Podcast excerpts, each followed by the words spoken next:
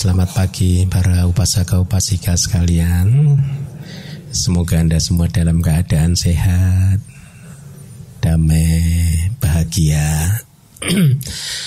uh, kita masih di suta yang sama. Suta ini sangat panjang, tetapi sangat desirable untuk mereka yang mempunyai aspirasi untuk merealisasi nibbana. Uh, Buddhism seperti yang Anda tahu, saya itu beragama Buddha tidak sejak lahir. Agama saya itu adalah hasil pencarian saya. Bukan agama yang saya warisi dari orang tua saya. Saya mencari agama itu. Pada saat saya menemukan ajaran ini, kebahagiaan saya itu tidak terkirakan Kenapa? Karena saya merasa menemukan sesuatu yang sangat berharga di, yang ber, akan pasti akan bermanfaat buat kehidupan saya. Dan sering kali saya merenung seandainya saja di dalam kehidupan ini saya tidak menemukan Buddhism, saya tidak tahu kualitas kehidupan saya itu menjadi seperti apa. Karena ini karena saya ini sejak kecil adalah dalam tanda kutip pribadi atau seseorang yang sulit sulit dalam tanda kutip bermasalah. Sulit dan bermasalah dalam konteks apa? Sulit dan bermasalah dalam konteks sulit untuk mempercayai sesuatu. Sehingga dulu di usia-usia muda saya, saya sering merenung, waduh bagaimana ini saya sebagai manusia kok begini ya? Sulit untuk percaya terhadap sesuatu, sangat sulit sekali. Padahal kalau kita meyakini sesuatu, kita harus mempercayainya. Itu tidak bisa ditawar-tawar kan dulu kan. Tetapi saya sudah paksa diri saya untuk mempercayainya, tapi saya tahu bahwa saya tidak mempunyai keyakinan yang cukup terhadap apa yang saya yakini tersebut. Sehingga pada saat uh, di usia-usia muda dulu saya sering berpikir ini jangan-jangan saya masuk neraka ini gawat bener ini saya gitu Nah, singkat cerita karena saya tidak ingin menyita waktu terlalu banyak untuk ini. Singkat cerita saya menemukan Buddhism yang membuat hidup saya fulfilled. Apa yang menjadi kebutuhan saya terpenuhi. Dan sejak hari pertama saya ketemu Buddhism sampai hari ini keyakinan saya penuh keyakinan saya penuh. Kenapa? Karena ini ajaran sangat hebat sekali. Ya.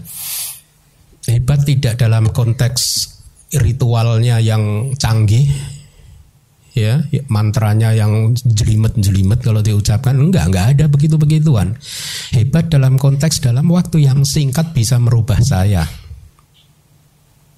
dan perubahan itu terasa sangat nyata ya nah kenapa karena memang ajaran ini langsung menyentuh akar masalah dari problem yang kita hadapi bersama. Kita ini manusia mempunyai problem yang sama.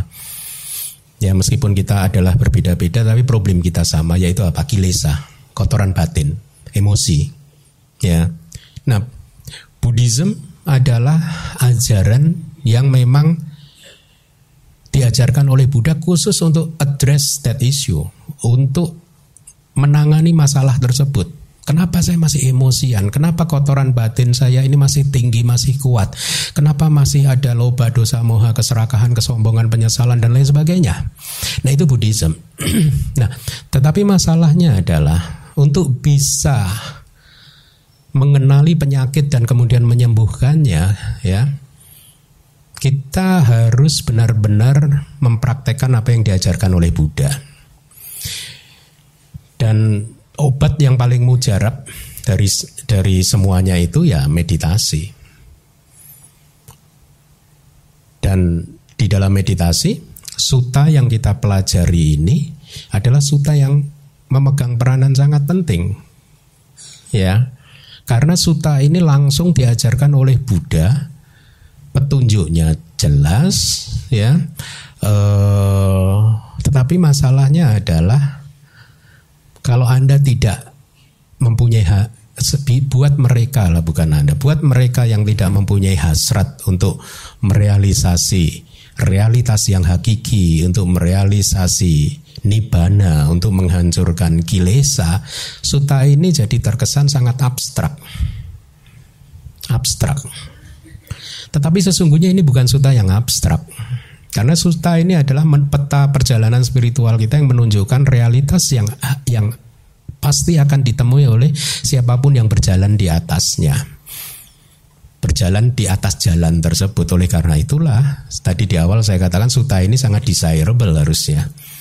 Ya, sangat sangat menyenangkan buat mereka yang beraspirasi untuk segera keluar dari samsara dan merealisasi nibbana. Nah, eh, oleh karena itu karena sebenarnya suta ini sangat instrumental, sangat penting ya. Cobalah pahami suta ini pelan-pelan ya. Kalau saat ini mungkin belum terbiasa, percayalah pada saya bahwa nanti lama-lama Anda akan terbiasa dengan model ajaran Buddha yang seperti ini yang rumit kesannya pada awalnya sulit dipahami, tapi lama-lama akan biasa. Saya selalu menginspirasi para murid yang menemui saya seperti ini. Ya, tadi di awal saya katakan agama ajaran ini saya temukan di tengah perjalanan kehidupan saya, tidak dari kelahiran awal saya. Ya, pada saat saya belajar di Myanmar, masuk ke negeri itu pengetahuan saya nol, nol, nggak punya pengetahuan tentang Buddhism sama sekali. Bahkan pada waktu ikut ujian masuk di perguruan tinggi di Myanmar di Universitas Misionaris Buddhis di sana. Pada waktu tes ujian masuk saya diberi lima soal. Untungnya dari lima soal ini saya harus menjawab hanya tiga soal saja. Saya bersyukur karena ada dua soal yang memang benar-benar saya nggak bisa apa-apa. Satu, pertanyaannya ini ya yang saya masih ingat. Sebutkan empat hari besar Buddhis dan ceritakan bagaimana perayaan itu diadakan di negara kamu. Nggak tahu loh, saya empat hari besar tuh nggak tahu loh. Yang saya tahu hanya Waisak satu aja kan. Tiga yang lain ini true story loh ini benar-benar terjadi loh. Tiga yang lain saya nggak tahu loh. Sekarang kan saya bisa jawab Katina, Maga Puja dan Sada. Dulu nggak tahu. Nah untungnya saya hanya harus menjawab tiga, jadi itu saya drop. Yang satunya lagi saya lupa. Jadi ini saya sampaikan kepada Anda, bayangkan saya masuk ke negeri yang sudah tinggi budaya Buddhisnya ribuan tahun dijaga kemurniannya dengan tidak ada modal sama sekali nol, tetapi lama-lama biasa dalam waktu yang singkat ya karena karena ada ada ada sada ada keinginan yang kuat akhirnya lama-lama biasa ajaran yang sulit bahkan ajaran yang paling sulit itu menjadi mata kuliah uh, favorit saya yaitu abidama kan. Nah, saya yakin hal seperti ini juga akan Anda alami. Pada awalnya sulit, tetapi jangan khawatir teruslah berjuang karena pada akhirnya semua yang sulit akan terasa ringan, mudah dan nyaman. Ya seperti Anda kalau berolahraga kan, pada saat Anda berolahraga di awal-awal otot Anda kan sakit semua kan? Ya. Tapi setelah beberapa saat otot Anda lentur dan Anda akan merasa nyaman di dalam berolahraga. Itu introduction yang ingin saya sampaikan kepada Anda. Uh, pagi hari ini kita masih di perenungan tentang tubuh, tetapi di bagian yang berikutnya yaitu ten bagian tentang penuh pemahaman. Jadi ini kata sifat, kata adjektif, uh, sampak jana ya. Artinya apa? Buddha di sini mengajarkan di dalam setiap gerak-geri, di dalam setiap setiap aktivitas ya kita harus melakukan aktivitas apa pun itu juga dengan penuh pemahaman. Ya. Apa maksudnya? Apa artinya dengan penuh pemahaman? Ya nanti kita akan lihat untuk uh, seperti biasa saya akan bacakan palinya dulu Anda bisa beranjali. Punaja barang bikawe biko Api kante badi kante sampa jana kari hoti. Alo kite wilo kite sampa jana kari hoti. Samin jinte basari te sampa jana kari hoti. Sanggati bata jiwara darani sampa jana kari hoti. Aside pite kayite sayite sampa jana kari hoti. Ucara basawa kame sampajana karihoti Kate tite nisine sute jakarite Pasite tunhi bawe sampajana karihoti Iti ajatang wa kaya kaya nupasi wiharati. Bahidawa kaya kaya nupasi viharati Ajata bahidawa kaya kaya nupasi viharati Samudaya damanupasi wa kaya seming viharati Waya damanupasi wa kaya seming viharati Samudaya damanupasi wa kaya seming viharati Adi gayoti wa panasasati padita hoti Ya wa dewanya namataya padisati mataya Ani sido ca wiyarati Naca kinci loke upadiyati Ewam biko bikawe biko Kaye kaya nupasi wiharati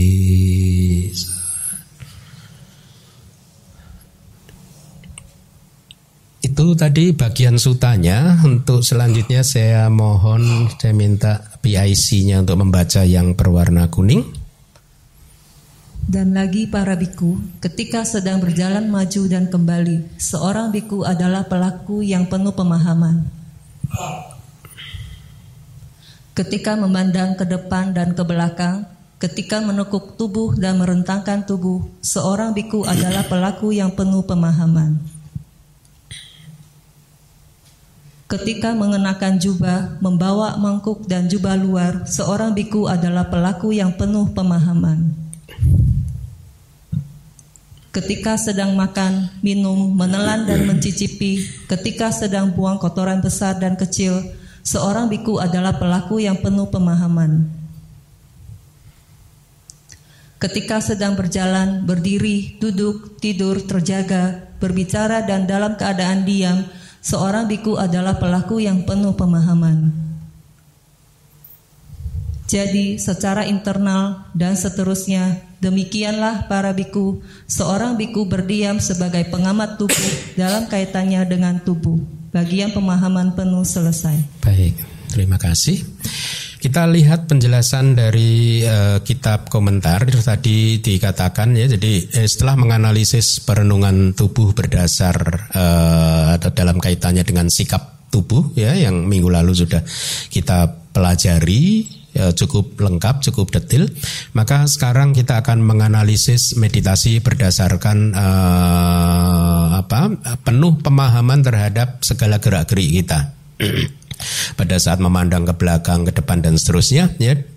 Di sini Buddha mengatakan dan lagi para biku, seorang biku adalah seorang pelaku artinya seorang pelaku dengan pemahaman penuh. Ya, sering diterjemahkan hanya menjadi se seseorang yang melakukannya dengan pemahaman penuh gitu. Tetapi saya rasa eh, kalau mau akurat translationnya lebih baik pelaku dengan pemahaman penuh ya karena sampak jana kari kari itu pelaku kata benda. Kalau diterjemahkan jadi melakukan jadi kata kerja kan? Jadi tidak pas juga. Kari itu kata benda bukan kata kerja. Jadi seorang pelaku dengan pemahaman penuh ketika sedang berjalan maju dan kem, berjalan e, kembali dan seterusnya. Nah, kalau Anda cermati tadi di bagian suta ini Buddha mengajarkan pemahaman penuh dalam berbagai jenis aktivitas bisa dikelompokkan menjadi tujuh kelompok. Kelompok yang pertama adalah berjalan maju dan kembali. Nanti akan kita analisis satu persatu. Yang kedua adalah memandang ke depan dan memandang ke belakang. Yang ketiga menekuk tubuh ya menekuk tubuh dan merentangkan tubuh menegakkan tubuh lagi gitu. Yang keempat adalah mengenakan jubah membawa mangkok patah ya mangkok makanan dan juga jubah luar sanggati patah ciwara Kemudian yang kelima adalah ketika sedang makan, minum, menelan dan mencicipi makanan atau apa pun itu ya. Atau enam ketika sedang buang kotoran besar dan kecil. Tujuh ketika sedang berjalan, berdiri, duduk, tidur, terjaga, berbicara dan bahkan dalam keadaan diam. Seorang biku atau seorang yogi atau seorang yang sedang bermeditasi haruslah menjadi seorang pelaku yang melakukannya dengan penuh pemahaman ya. Nah, Walaupun tadi sutanya hanya itu saja yang disampaikan oleh Buddha, tetapi kitab komentar menjelaskan bahwa semuanya itu berlaku di empat sikap tubuh yang sudah kita pelajari minggu yang lalu. Kita masih ingatkan eh, empat sikap tubuh yang sudah kita pelajari di minggu yang lalu itu apa? ketika sedang berjalan, ketika sedang berdiri, ketika sedang duduk dan sedang rebahan. Di dalam empat sikap tubuh tersebut eh, klasifikasi aktivitas tujuh aktivitas tadi harus dilakukan dengan pemah, eh, dengan penuh pemahaman. Jadi misalkan ya, ketika eh, seseorang sedang eh, berjalan ya empat dari empat sikap tubuh, sikap tubuh yang pertama kan berjalan kan. Pada saat seseorang berjalan, lalu apa yang dimaksud dengan berjalan maju dengan penuh pemahaman? Artinya, ya pada saat dia sedang berjalan, yang disebut berjalan maju adalah berjalan ke depan. Itu mudah kan dipahami. Kemudian yang dimaksud kembali itu adalah pada saat dia balik berjalan kembali. Bagi anda yang sudah pernah ikut retret, pasti anda pernah melakukan meditasi berjalan kan? Kita hanya pergi uh, berjalan ke sana dan kemudian berbalik berjalan ke sini, kemudian berbalik lagi berjalan berjalan ke sana lagi, berbalik lagi, berjalan ke sini. Jadi berjalan ke depan dan berjalan kembali ke sini. Itu yang dimaksud. Tetapi pada saat yogi sedang mempraktekkan sikap tubuh yang kedua yaitu berdiri. Lalu apa yang dimaksud berjalan maju pada saat yogi itu berdiri? Kitab komentar menjelaskan yang dimaksud berjalan maju dalam posisi berdiri adalah pada saat tubuh kita itu condong ke depan begitu. Kadang kita kan condong mungkin karena pegal atau ototnya ketarik atau badan tidak nyaman kita menggerakkan tubuh ke depan. Nah, ke depan itu diklasifikasikan sebagai berjalan maju tetapi kalau pada saat yogi tersebut berdiri dan menggerakkan tubuhnya ke belakang, maka itulah yang dimaksud berjalan e, kembali. Pada saat duduk, apa yang dimaksud dengan berjalan maju dan berjalan kembali? Ya sama, pada saat kita duduk, pada saat tubuh kita condong bergerak ke depan, itulah yang dimaksud dengan berjalan maju. Pada saat tubuh kita condong bergerak ke belakang, itulah yang dimaksud dengan berjalan kembali. Gitu. Pada saat rebahan, apa yang dimaksud berjalan maju? Yang dimaksud adalah menggerakkan tubuh ke depan ya. E, itulah yang disebut berjalan ke depan. Sebaliknya menggerakkan tubuh yang e, tidak ke depan itu yang dimaksud dengan berjalan kembali. Nah Kitab komentar juga menjelaskan tentang kalimat seorang pelaku yang penuh pemahaman atau bahasa palinya sampak jana kari saya tadi ya ada dua kata sebenarnya. Saya kemarin uh, yang sering uh, saling bertukar mak apa terjemahannya. Sampak jana itu adalah uh, apa uh, kata sifat. Jadi sampak jana itu artinya penuh pemahaman. Tapi ada lagi kata yang mirip sampak janya. Ya. kalau sampak janya itu adalah kata benda. Berarti apa? Pemahaman penuh mirip ya. Kalau di Pali tapi nanti penjelasannya bisa sedikit berbeda. Nah, maksud dari seorang pelaku yang penuh pemahaman adalah seseorang yang melakukan semua tugas tadi, semua aktivitas tadi dengan pemahaman yang penuh atau seorang pelaku yang melakukannya e, melakukan pemahaman penuh saja. Ya, nanti kita akan bahas. Jadi melakukan setiap gerak-gerik tubuh yang tadi sudah saya sampaikan dengan pemahaman penuh bahkan kita komentar menjelaskan tanpa gagal sedetik pun. Ya, apa mungkin Bante? Mungkin saja karena praktek seperti ini banyak akan dilakukan uh, tanpa gagal sedetik pun pada saat seseorang sudah kokoh sati dan samatinya. Begitu sati dan samadinya itu kokoh, panyanya juga kokoh. Ya, makanya dia bisa setiap detik melakukan pengamatan terhadap gerak-gerik tubuh dengan penuh pemahaman. Berkaitan dengan hal tersebut terdapat empat macam pemahaman penuh. nah ini udah kata benda. Ya, Anda lihat itu kata palinya itu yang belakang sampak janya. Beda kan kalau tadi sampak jana, nggak ada ulernya n-nya itu. Ya. Jadi ada empat pemahaman penuh, bukan penuh pemahaman ya. Kata benda ini. Yang pertama adalah sataka sampak janya. Pemahaman penuh tentang tujuan. Artinya apa? Pada saat mau melakukan sesuatu kita harus tahu dengan penuh dengan bijaksana tujuan kita melakukan ini apa, bermanfaat atau tidak. Ya, nanti kita akan lihat. Yang kedua adalah sapaya sampak janya. Artinya atau terjemahannya pemahaman penuh tentang kepantasan. Yang ketiga adalah gocara sampak janya. Artinya pemahaman penuh tentang wilayah penjelajahan eh, dalam meditasi kita. Yang keempat adalah aksamoha sampak janya. Pemahaman penuh tentang tanpa delusi. Nah, kitab komentar menjelaskan menjelaskan satu persatu dari empat sampak janya. Buat Anda pembelajar Buddhis, pasti Anda akan sering bertemu dengan empat sampak janya.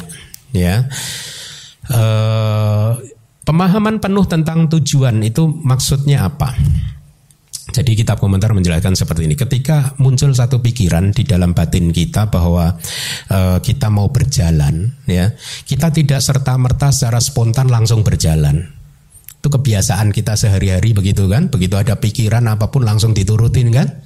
Ya, spontan. Ingin makan spontan, nggak mikir-mikir. Padahal ini makanannya mungkin pedes, bikin sakit perut. Nah, lupa. Laparnya sudah menguasai dia sakit perut, sakit perut lah urusan nanti gitu ya. Nah, tapi yogi tidak seperti itu. Di dalam kitab komentar dijelaskan dijelaskan pada saat ada pikiran saya ingin berjalan ya. Maka pertama-tama kita memikirkan, merenungkannya, tidak langsung bergerak, merenungkan, mempertimbangkan, ya, eh, apakah keinginan tersebut eh, baik atau tidak, ya. Jadi dianalisis berdasarkan kerangka seperti ini. Tujuan kita atau yogi melakukan aktivitas apa pun itu harus dianalisis apakah aktivitas yang akan kita lakukan itu akan mendukung perkembangan kita sesuai dengan dhamma. Kita sering membaca ini ya kalimat ini ya. Selamat ulang tahun, semoga makin sehat, damai, bahagia, sukses dan berkembang di dalam dhamma. Anda tahu nggak arti dari berkembang di dalam dhamma itu apa?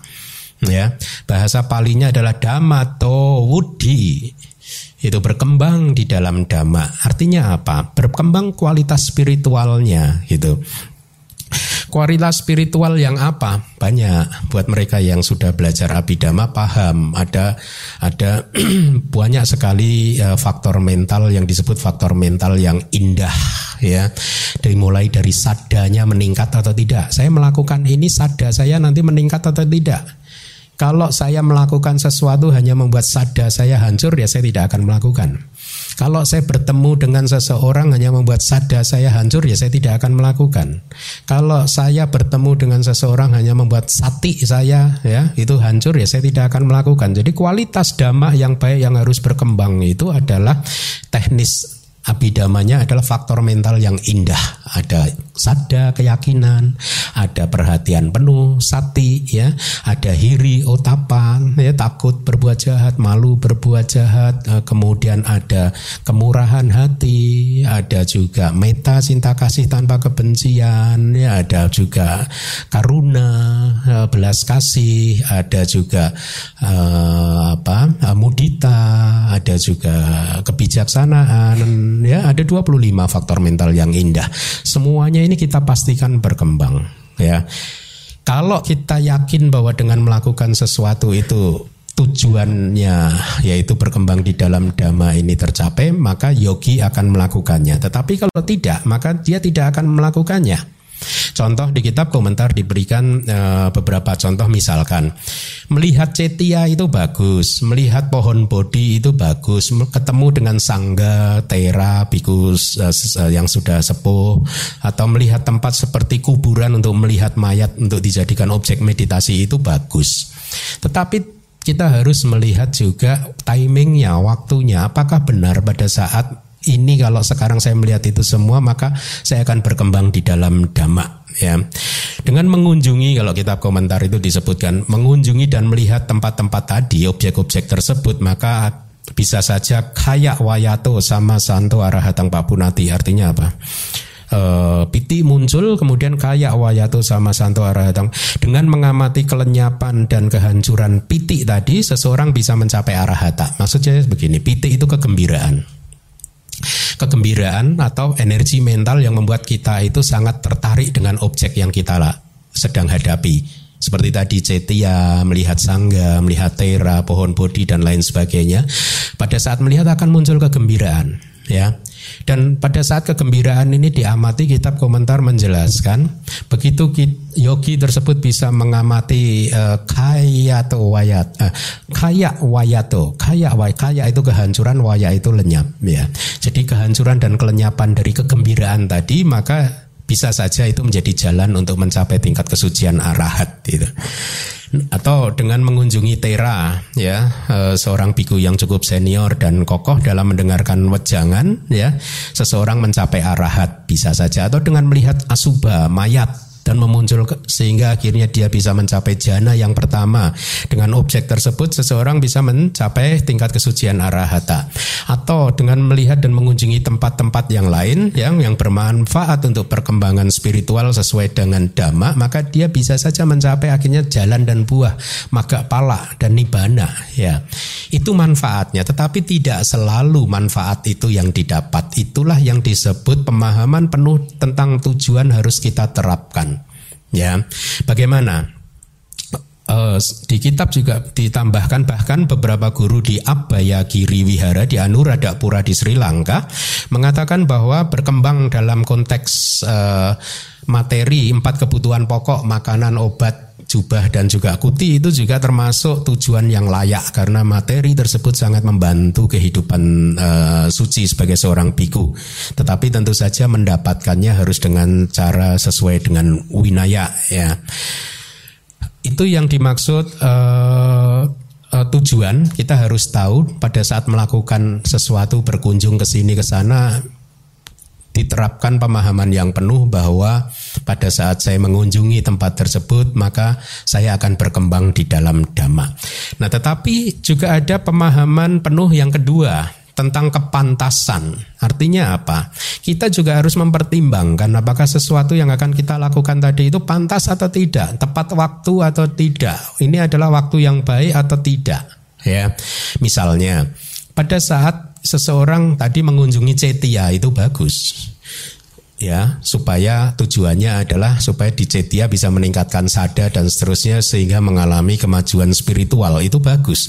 Tetapi kitab komentar menjelaskan apabila pada saat itu sedang ada maha puja atau persembahan besar untuk Cetia tersebut di mana biasanya kalau di negeri Buddhis maha puja itu baik sangga ataupun upasaka dan upasika akan berkumpul di satu Cetia atau di satu wihara untuk melakukan persembahan bersama-sama persembahan besar maha puja ya. Kalau pada saat itu sedang ada acara seperti itu, maka di sana pasti banyak orang yang berkumpul kan? Ya. Ada laki-laki, ada perempuan ya. Oleh karena itulah mengunjungi cetia pada saat-saat seperti itu belum tentu baik buat seorang biku, ya.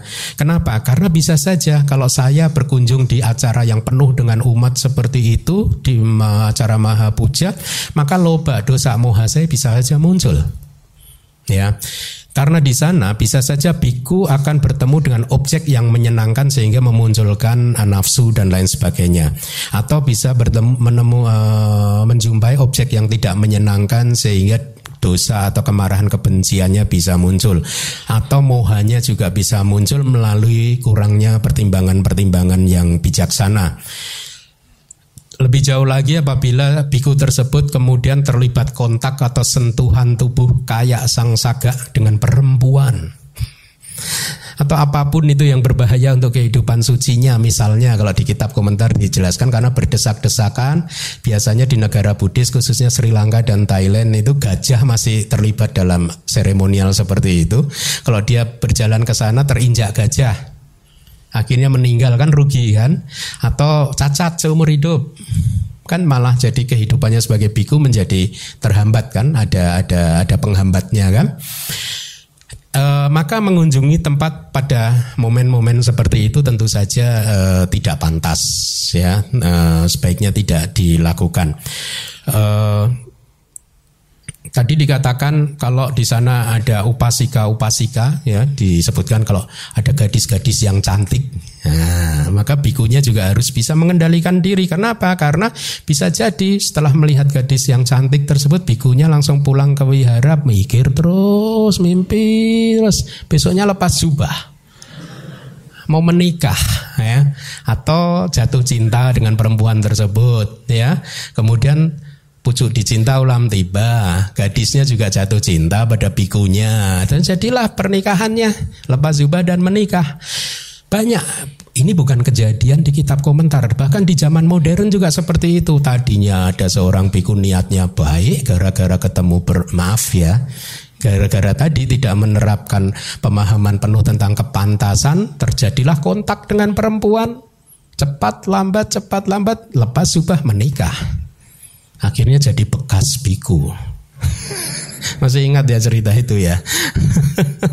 nah, jadi itulah yang disebut pemahaman penuh tentang kepantasan ya, diterapkan pada saat yogi mau melakukan aktivitas. Saya rasa meskipun petunjuk ini diberikan oleh Buddha kepada yogi, tetapi Anda bisa terapkan di dalam kehidupan sehari-hari.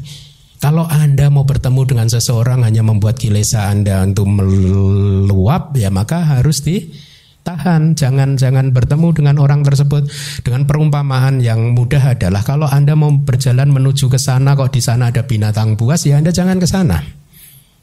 Ya, supaya diri Anda aman gitu. Nah, eh, kita harus menjaga dari dari segala bahaya ya karena eh, bahaya itu tadi bisa kemudian membuat kehidupan kita menjadi terhambat ya kemajuan damak juga menjadi terhambat. Di kitab kita juga ada uh, mengunjungi sangga itu bagus ya. Tetapi apabila pada saat itu ada ceramah semalam suntuk, biasanya di negeri Buddhis itu hari-hari tertentu sangga bisa berceramah berganti-ganti satu malam suntuk ya.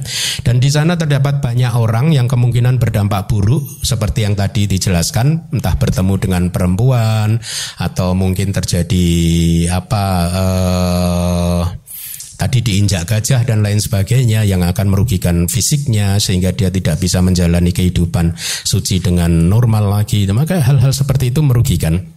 Sehingga mengunjungi sangga pun dalam situasi seperti itu dianggap sebagai tidak pantas, bukan waktu yang tepat untuk berkunjung. Melihat mayat juga Sebenarnya mayat bisa dijadikan objek untuk bermeditasi sehingga mencapai tingkat kesucian ya, mencapai jalan dan buah maga dan pala. Di kitab kita diceritakan ada seorang biku muda sedang berjalan-jalan dengan seorang samanera berdua saja. Mereka berdua pergi mencari masuk ke hutan mencari kayu untuk pembersih gigi. Di negara Buddhis masih diterapkan loh membersihkan gigi pakai kayu khusus gitu yang ditumbuk kemudian buat dibersihkan gigi gitu tradisi India mungkin ya. E, kemudian di satu tempat Samaneranya pergi memisahkan diri dari bikunya ya. Dia mencari kayu ter, uh, sendiri terpisah dari biku muda ya. Uh, kemudian di tengah jalan dia melihat mayat ya mayat uh, apa? Mayat manusia karena dia sudah melatih asubha bawana ya meditasi tentang dengan objek yang menjijikkan ya dan dia juga sudah berwipasana sama Nera tadi, maka dia segera bermeditasi dengan objek mayat dan akhirnya mencapai jana yang pertama dikatakan di kitab komentar. Dengan fondasi jana tersebut dia merenungkan formasi-formasi artinya apa? E, sangkara ya bisa formasi mental kemudian juga tubuh kita ini ya di seperti yang sudah dijelaskan di kelas-kelas yang awal dia juga juga mengamati damak-damak dari jananya yaitu faktor jana karena ini dia mencapai jana yang pertama maka ada lima faktor jana dia amati muncul dan lenyapnya anicca duka dan anatanya ya e, singkat cerita akhirnya sama Nera tadi dengan memanfaatkan objek mayat tadi bisa merealisasi tiga jalan dan buah yang pertama. Artinya dia mencapai tingkat kesucian anagami. Sesungguhnya dia bisa mencapai tingkat kesucian arahata tetapi pada saat dia sudah mencapai tingkat kesucian anagami tiba-tiba dia mendengar biku tadi uh, memanggil namanya ya. Dan dia kemudian merenung sebentar. Sejak saya meninggalkan kehidupan keduniawian dan menjadi seorang pabajita saya sudah bertekad jangan sampai ada orang memanggil saya dua kali. Paham ya? Jadi begitu satu kali dipanggil dia harus segera ke sana. Jangan sampai untuk kedua kalinya dipanggil lagi. Itu tekad dia. Karena dia sudah mendengar biku tadi e, memanggil namanya, maka dia menghentikan meditasinya dan berpikir nanti setelah ini saya akan lanjutkan pencapaiannya hingga tingkat kesucian arahata. Nah, singkat cerita, e, apa? E, setelah bertemu dengan biku tadi bercakap-cakap sebentar, kemudian Samanera dengan cara yang tidak langsung mengatakan kepada bikunya tadi sedemikian rupa supaya sang biku tadi berjalan ke arah di mana mayat itu terletak. Ya, dan akhirnya bikunya mengikuti petunjuk Samanera dan bertemu dengan mayat tadi itu.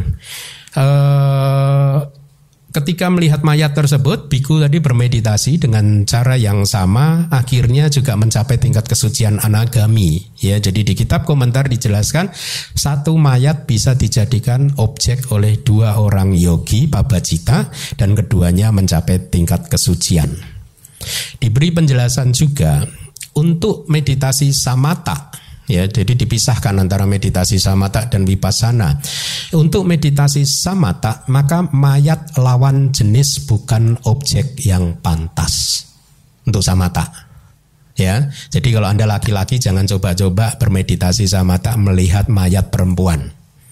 Yang perempuan juga begitu. Kalau mau bermeditasi samata jangan coba-coba melihat mayat laki-laki. Kenapa? Karena pada saat mayat tersebut sudah menjadi objek buat samatinya, muncul nimitanya, ya, maka mayat yang eh, mayat tadi itu akan berubah menjadi tubuhnya menjadi cemerlang.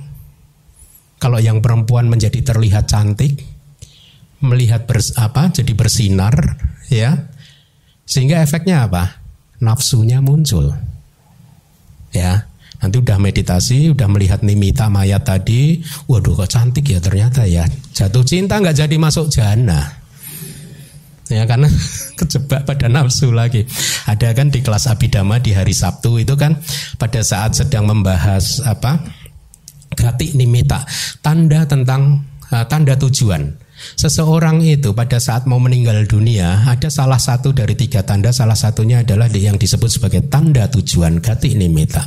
Tanda tujuan ini adalah tanda yang akan kira-kira sebagai simbol di alam mana dia akan terlahir nanti. Jadi kalau ada seseorang mau meninggal dunia itu melihat istana surga, maka ini adalah simbol bahwa dia akan lahir di surga.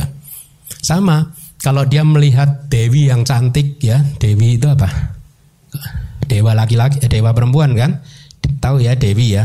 Kalau dia melihat dewi ini kan simbol makhluk yang hidup di surga. Jadi dia akan lahir di surga. Nah singkat cerita ada yang tanya begini Bante.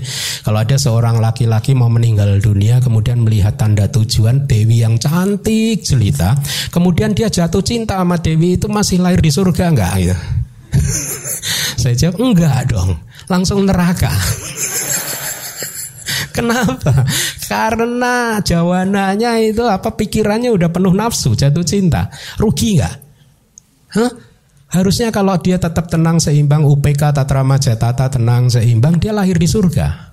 Gara-gara dia kepo eh cantik ya. Nah, langsung langsung alam bawah gitu. Makanya Anda hati-hati jangan gampang jatuh cinta. Huh? Tirulah biku ini loh. nah, itu tadi untuk samata, lawan jenis harus dihindari. Tapi untuk wipasana nggak apa-apa, lawan jenis nggak apa-apa. Ya, melihat mayat yang berbeda jenis kelamin nggak apa-apa. Ya, kalau wipasana, ya. Tetapi tentu saja kita berbicara wipasana adalah hanya pada saat kita sudah mencapai sama-sama di kan. Kalau belum mencapai masa mati juga jangan. Kenapa? Karena kilesanya belum mengendap. Karena rintangan batinnya belum mengendap. Kotoran batinnya masih belum mengendap. Jadi ya tidak.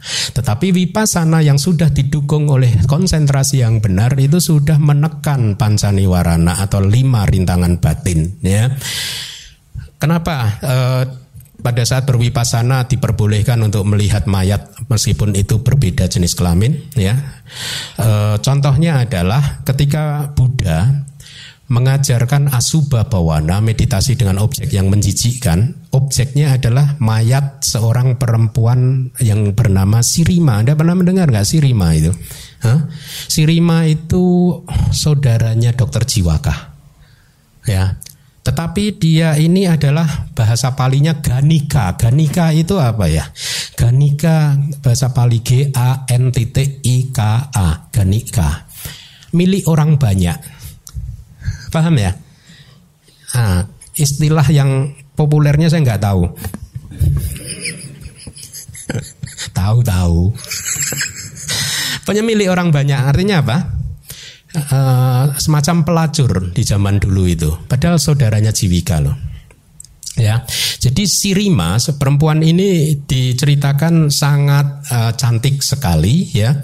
Satu hari meninggal dan Buddha membawa upasaka, upasika, biku, sama nera bikuni mungkin ya pada saat itu untuk melihat mayatnya. Jadi ini contoh bahwa pada saat berwipasana pun uh, diperbolehkan melihat mayat yang berbeda jenis. Saya akan sampaikan cerita tentang Sirima. Dia ini adalah uh, seorang pelacur di zaman Buddha Gotama ya, hidupnya di Raja Agaha.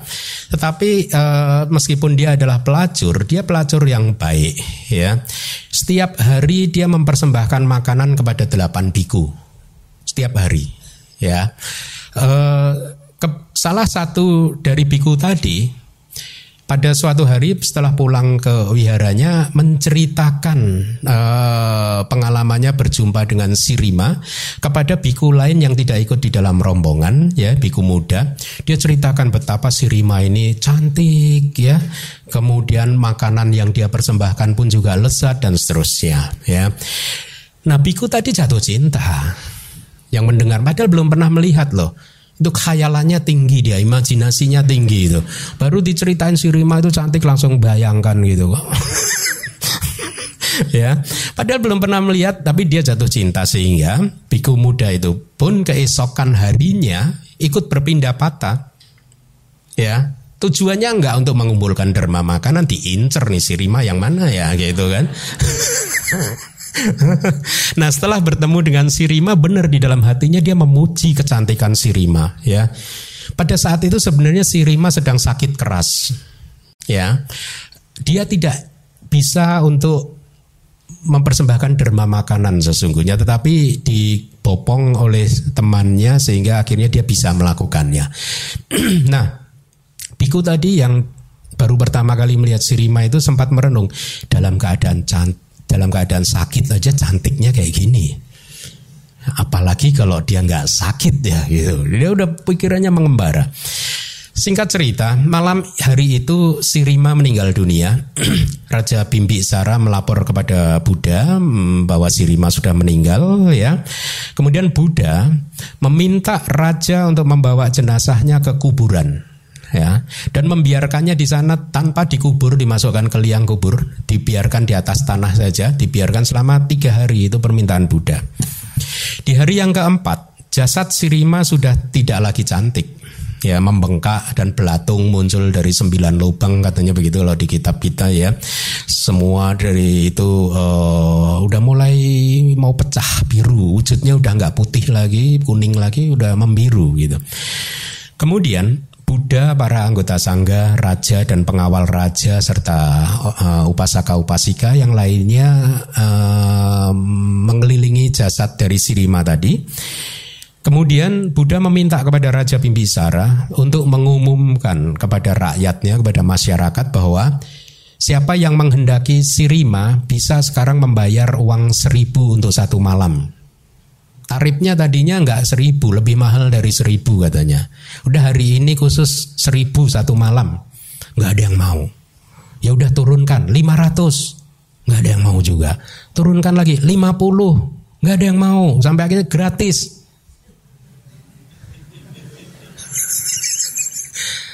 eh saya nggak nggak ini, ini di kitab ada loh ceritanya kayak gitu. Ini ini bukan dari saya loh. gratis. Tetap nggak ada yang mau. Kemudian Buddha berkata, para biku lihatlah si Rima ini. Ketika dia masih hidup, banyak orang yang rela membayar uang yang mahal hanya untuk bersama dengan dia. Saya kalimatnya saya ini kan ya bersama dengan dia satu malam. Tapi sekarang diberikan gratis pun tidak ada yang mau. Kemudian Buddha menutup kalimatnya dengan uh, untuk menuntun siapa pun yang bermeditasi pada saat itu untuk merealisasi jalan buah dan nibbana yaitu apa? Tubuh siapa pun juga harus mengalami kelapukan, sakit dan kehancuran. Jadi Buddha sedang membimbing sebenarnya para muridnya untuk merealisasi bahwa tubuh ini mengalami kelapukan, sakit dan juga kehancuran seperti itu ya dan ada yang mencapai tingkat kesucian. Di sini ada nggak tadi? Nah, itu adalah pemahaman penuh tentang kepantasan. Kita teruskan yang ketiga, pemahaman penuh penuh tentang wilayah penjelajahan. Maksudnya apa? Ilustrasinya seperti ini. Gocara itu adalah ladang untuk sapi buat mengembara, untuk mencari makanannya, ya padang rumput. Ya, jadi gocara di sini uh, padang rumput untuk para binatang yang digembalakan ya. Artinya apa? Gocara ini adalah merupakan wilayah penjelajahan pada saat seorang biku berjalan ke depan ke belakang ya dia tetap dengan makanannya makanannya itu apa kalau sapi adalah rumput kalau seorang biku makanannya apa objek meditasi ya Kitab komentar menjelaskan jarak sampak janya hanya untuk samata, bukan untuk wipasana. Karena yang untuk wipasana itu ada di sampak janya yang keempat, yaitu pemahaman tentu penuh tentang tanpa delusi. Definisi dari wilayah penjelajahan adalah uh, begini seperti yang Anda ketahui seorang biku kan biasanya berpindah patah ya. Jadi ada rute-rutenya tertentu. Ya, kami kalau di Myanmar dulu pindah patah rutenya memang tertentu sih sudah ditentukan oleh senior. Jadi dalam pada saat seorang biku berpindah patah, kitab komentar memberi ilustrasi seperti ini. Seorang biku ketika berang, berangkat berpindah patah, dia membawa subjek meditasinya. Misalkan merenungkan kualitas Buddha, Dhamma, Sangga eh, atau mungkin mengamati nafas masuk dan nafas keluar. Tetapi pada saat sepanjang perjalanan pulang subjek tersebut tidak dibawanya. Artinya apa? Mungkin habis ketemu si Rima langsung lupa nafas masuk, nafas keluar. Yang diingat si Rima, si Rima, si Rima terus. Lupa sama subjek meditasinya. Itu tipe biku yang pertama. Tipe biku yang kedua adalah sepanjang perjalanan berangkat berpindah patah, dia tidak membawa subjek, lupa pada subjek meditasi ya, tetapi sepanjang perjalanan pulang dia membawa subjek meditasinya. yang ketiga, tipe biku yang baik berjalan e, berangkat maupun pulang dia lupa pada subjek meditasinya, tidak membawa subjek meditasinya, tidak mengamati nafas masuk dan keluar misalkan ya. Tipe yang keempat adalah biku yang membawa subjek meditasi baik waktu berangkat maupun pulang.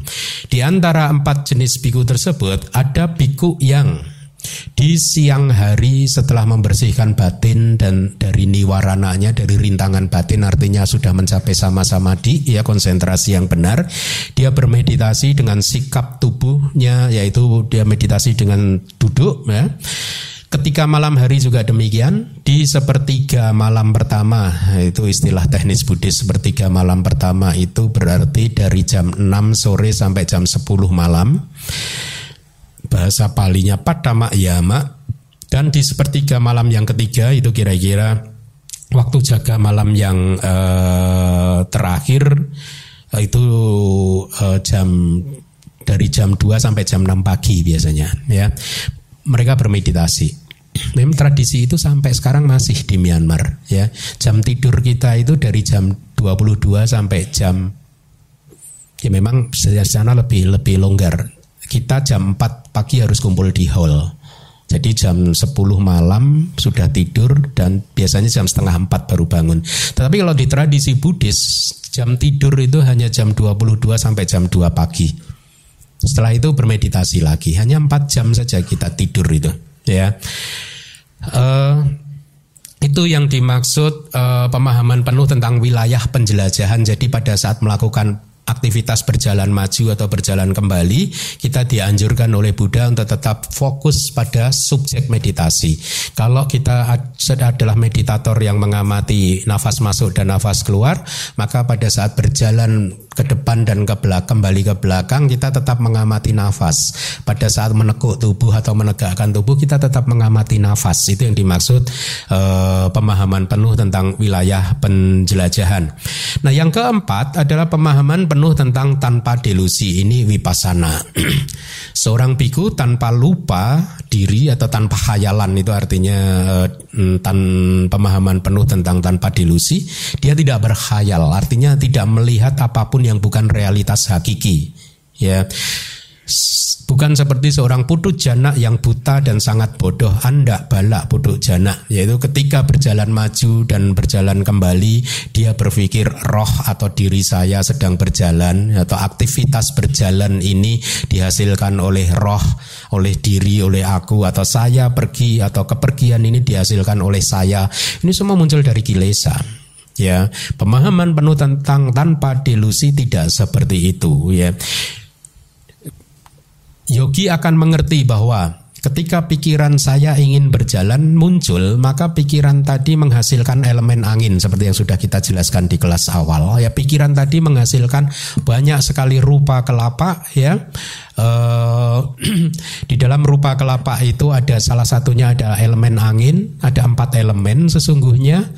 Pada saat kaki ini terangkat sebenarnya dari empat elemen ini yang utama adalah elemen api dan elemen angin. Ini membantu elemen api ya pada saat demikian pula pada saat kaki itu melangkah ke depan.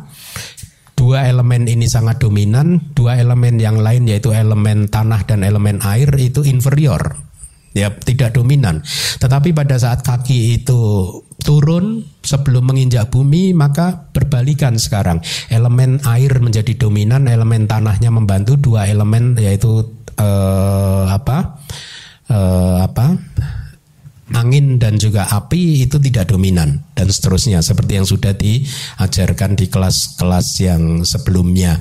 Nah, Pemahaman penuh tentang tanpa delusi, seorang biku melihat ini dalam kerangka realitas hakikinya, melihat empat elemennya tadi.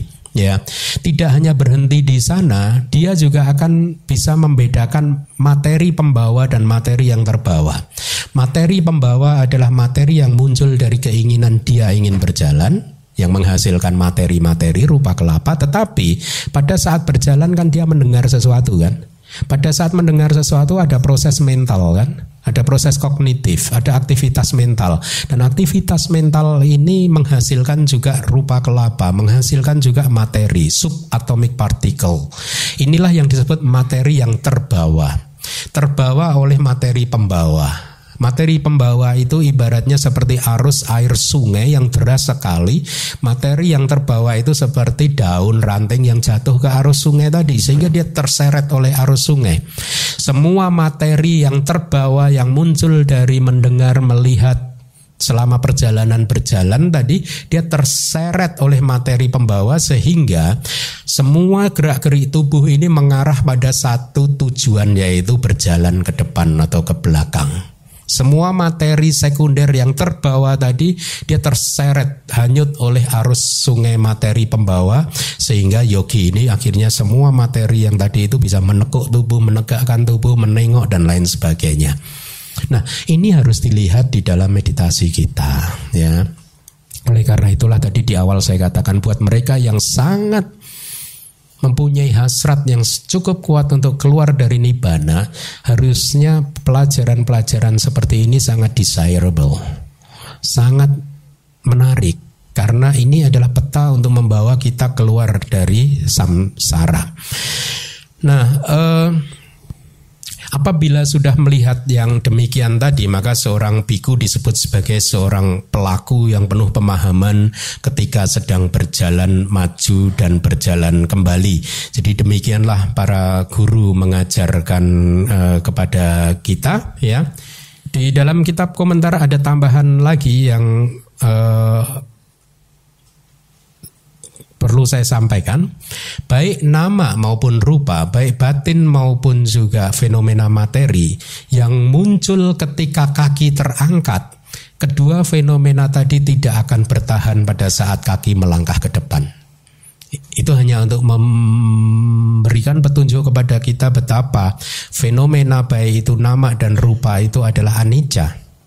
Ya, jadi pada saat semua yang muncul pada saat kaki terangkat tidak akan bertahan pada saat kaki ini melangkah ke depan. Ya, muncul lenyap di situ juga. Setelah muncul mereka lenyap dengan kecepatan yang sangat tinggi di tempatnya di tempat itu juga. Itu kitab komentar memberikan petunjuk. Ya, di tempat itu tidak berubah tempat ya. Pecah seperti biji wijen, wijen sesam ya, yang dilempar ke penggorengan yang panas. Lalu kalau demikian Siapa yang sesungguhnya berjalan maju? Saya atau nama rupa? Hah? Nah, nah, nah. Saya atau nama rupa? Wah, Anda sudah tercerahkan. Selamat. Kita lanjutkan. Ketika memandang ke depan dan ke belakang, artinya adalah yang dinamakan memandang ke depan adalah melihat apa pun yang ada di depan. Yang dinamakan memandang ke belakang adalah melihat ke peralihan penjuru arah-arah yang lainnya. Bukan hanya sebatas memandang ke belakang, tetapi memandang ke arah mana pun selain memandang ke depan. Itu yang dimaksud memandang e, ke belakang ya. Jadi istilah memandang ke belakang adalah memandang ke arah mana pun kecuali arah depan, termasuk di sini melihat ke arah atas pada saat seorang biku membersihkan plafon atau melihat ke arah bawah ketika seorang biku menyapu atau bahkan bekerja membuat lantai semen dan lain-lain melihat ke belakang seperti ketika menengok ke belakang karena ingin menghindari bahaya yang muncul dari belakang ya. Memahami tujuan yang tadi pemahaman yang pertama adalah pemahaman penuh tentang tujuan harus diterapkan ketika seorang biku melihat ke depan ya. Dia tidak melihat ke depan secara tiba-tiba refleks begitu saja ya yang terjadi tanpa pemahaman. Uh, tetapi dia merenungkan apakah dengan memandang ke depan ini saya berkembang di dalam dhamma atau tidak? Ya, kalau saya memandang ke depan hanya memunculkan kilesa-kilesa saya, maka saya tidak akan memandang ke depan. Itu yang dimaksud pemahaman penuh tentang uh, tujuan. Seperti yang dilakukan oleh Yang Mulia Nanda. Ya, kitab komentar memberi contoh lagi. Yang Mulia Nanda ini saudara Pangeran Siddhartha, saudaranya Buddha ya, saudara bukan kandung lah, tiri ya. Ya. Jadi di hari ketiga pada suatu hari kan uh, setelah mencapai penerangan sempurna kan Buddha pulang ke Kapilawatu kan ya. Di hari ketiga kepulangan beliau Buddha diundang untuk menghadiri pesta perkawinan dari Pangeran Nanda ya. Ya saudara Buddha saudara tiri termuda itu. Uh, jadi Pangeran Nanda waktu itu menikah dengan seorang putri yang cantik jelita juga yang bernama siapa? Ingat nggak? Jana pada Kal Yani. Ya Anda bisa googling nanti. Jenak pada Kalyani. Buddha menghadiri pesta perkawinan tadi dan bahkan sempat memberkahi kedua mempelai. Uh, tetapi Buddha menitipkan uh, pataknya, ya. Tapi mem, karena mem, mempunyai maksud bahwa dia ingin mem, apa? Ingin menunjukkan jalan tentang pembebasan kepada Nanda sebenarnya ya. Jadi Buddha menitipkan patahnya pada waktu pulang ke Nanda ya. Dan kemudian Buddha pulang. Nanda kemudian berpikir ini patahnya di sini Buddha udah pulang. Nah, dia segera menyusul Buddha untuk dengan maksud untuk mengembalikan patah tadi, mangkok makanan ya. Mangkok untuk berpindah patah itu. Setelah bertemu Buddha dan Nanda bercakap-cakap dan ditanya kamu mau jadi biku nggak? Ya, padahal barusan menikah ditawari Buddha loh. Berarti saya nggak salah dong ya kalau anda ke sini sama anda ketemu saya meskipun udah punya istri atau suami mau jadi biku nggak ini? Nah, Buddha begitu loh, ya. Terus nandanya langsung menjawab mau. Ya akhirnya ditapiskan oleh Buddha loh. Ini cerita gitu. Udah punya istri kan itu, ditapis sama Buddha. Ya. Tapi tidak lama kemudian Nanda merasa bosan dengan kehidupan kebikuannya ya, dan dia kecewa, ingin lepas subah. Kenapa?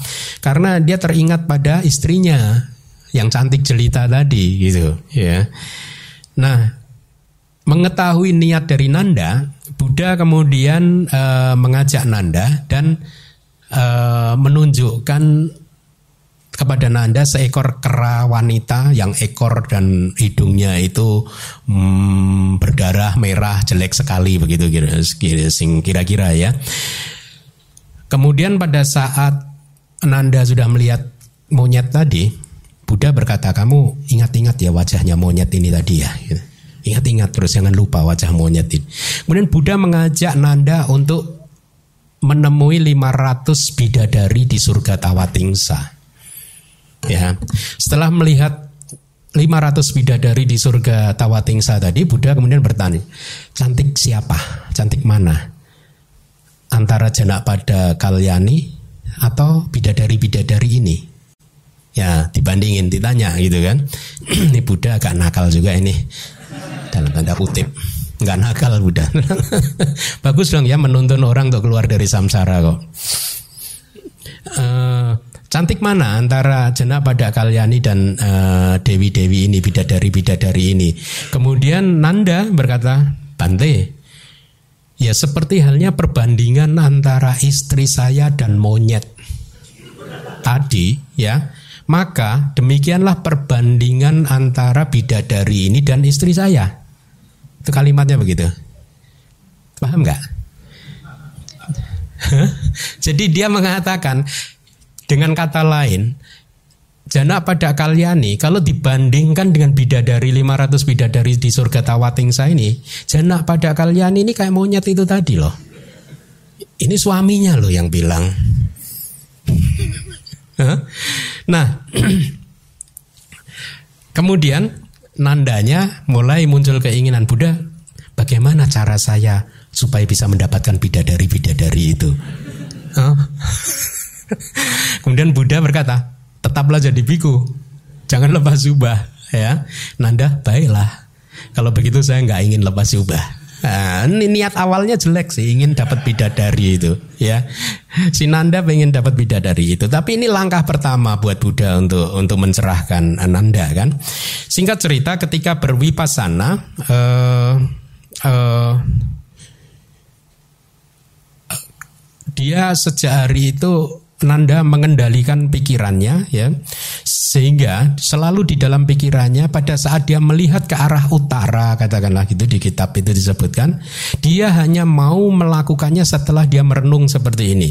Semoga tidak ada nafsu ketamaan perasaan tidak senang damak-damak yang tidak baik atau jahat mengalir di hati ya. Dengan merenungkan demikian beliau melihat ke arah tersebut dengan penuh perhatian mindful yang menjaga hatinya supaya pada saat melihat ke arah utara tidak uh, ada kilesa-kilesa yang muncul ya. Dengan tekad seperti itu dia menjadi sangat bersemangat dan penuh kehati-hatian, hiri dan otapaknya berkembang, malu dan takut untuk berbuat jahatnya berkembang, pengendalian indrianya menjadi sempurna dan singkat cerita dia akhirnya menjadi seorang arahat dan beliau ini adalah salah satu murid Buddha yang pengendalian indranya itu paling unggul. Etadaga Ya, dia terunggul di bidang pengendalian indria. Jadi ini bagus untuk kita, anda jadikan teladan ya saya juga ya sebelum memandang ke depan ke, ke arah mana pun kita harus melakukan perenungan apakah saya memandang ke arah sana hanya akan memunculkan kilesa atau tidak ya. Untuk pemahaman penuh tentang kepantasan hendaknya dipahami seperti yang telah dijelaskan apakah ini waktu yang tepat atau tidak tepat untuk memandang ke depan ke belakang dan lain sebagainya ya. Kemudian Yang ketiga adalah pemahaman penuh tentang wilayah penjelajahan. Di sini berkaitan dengan melatih subjek meditasi. Seperti tadi sapi yang masuk ke ladang penggembalaan untuk mencari rumput kan, untuk mencari makanan sama. E, pemahaman penuh tentang wilayah penjelajahan itu adalah aktivitas apa pun yang dilakukan kita harus makan rumput. Artinya tetap bersama dengan subjek meditasi kita. Kalau subjek meditasi kita adalah anapanasati e, mengembangkan perhatian penuh terhadap nafas masuk dan nafas keluar maka di dalam setiap aktivitas apa pun kita harus tetap mengamati nafas masuk dan nafas keluar ya.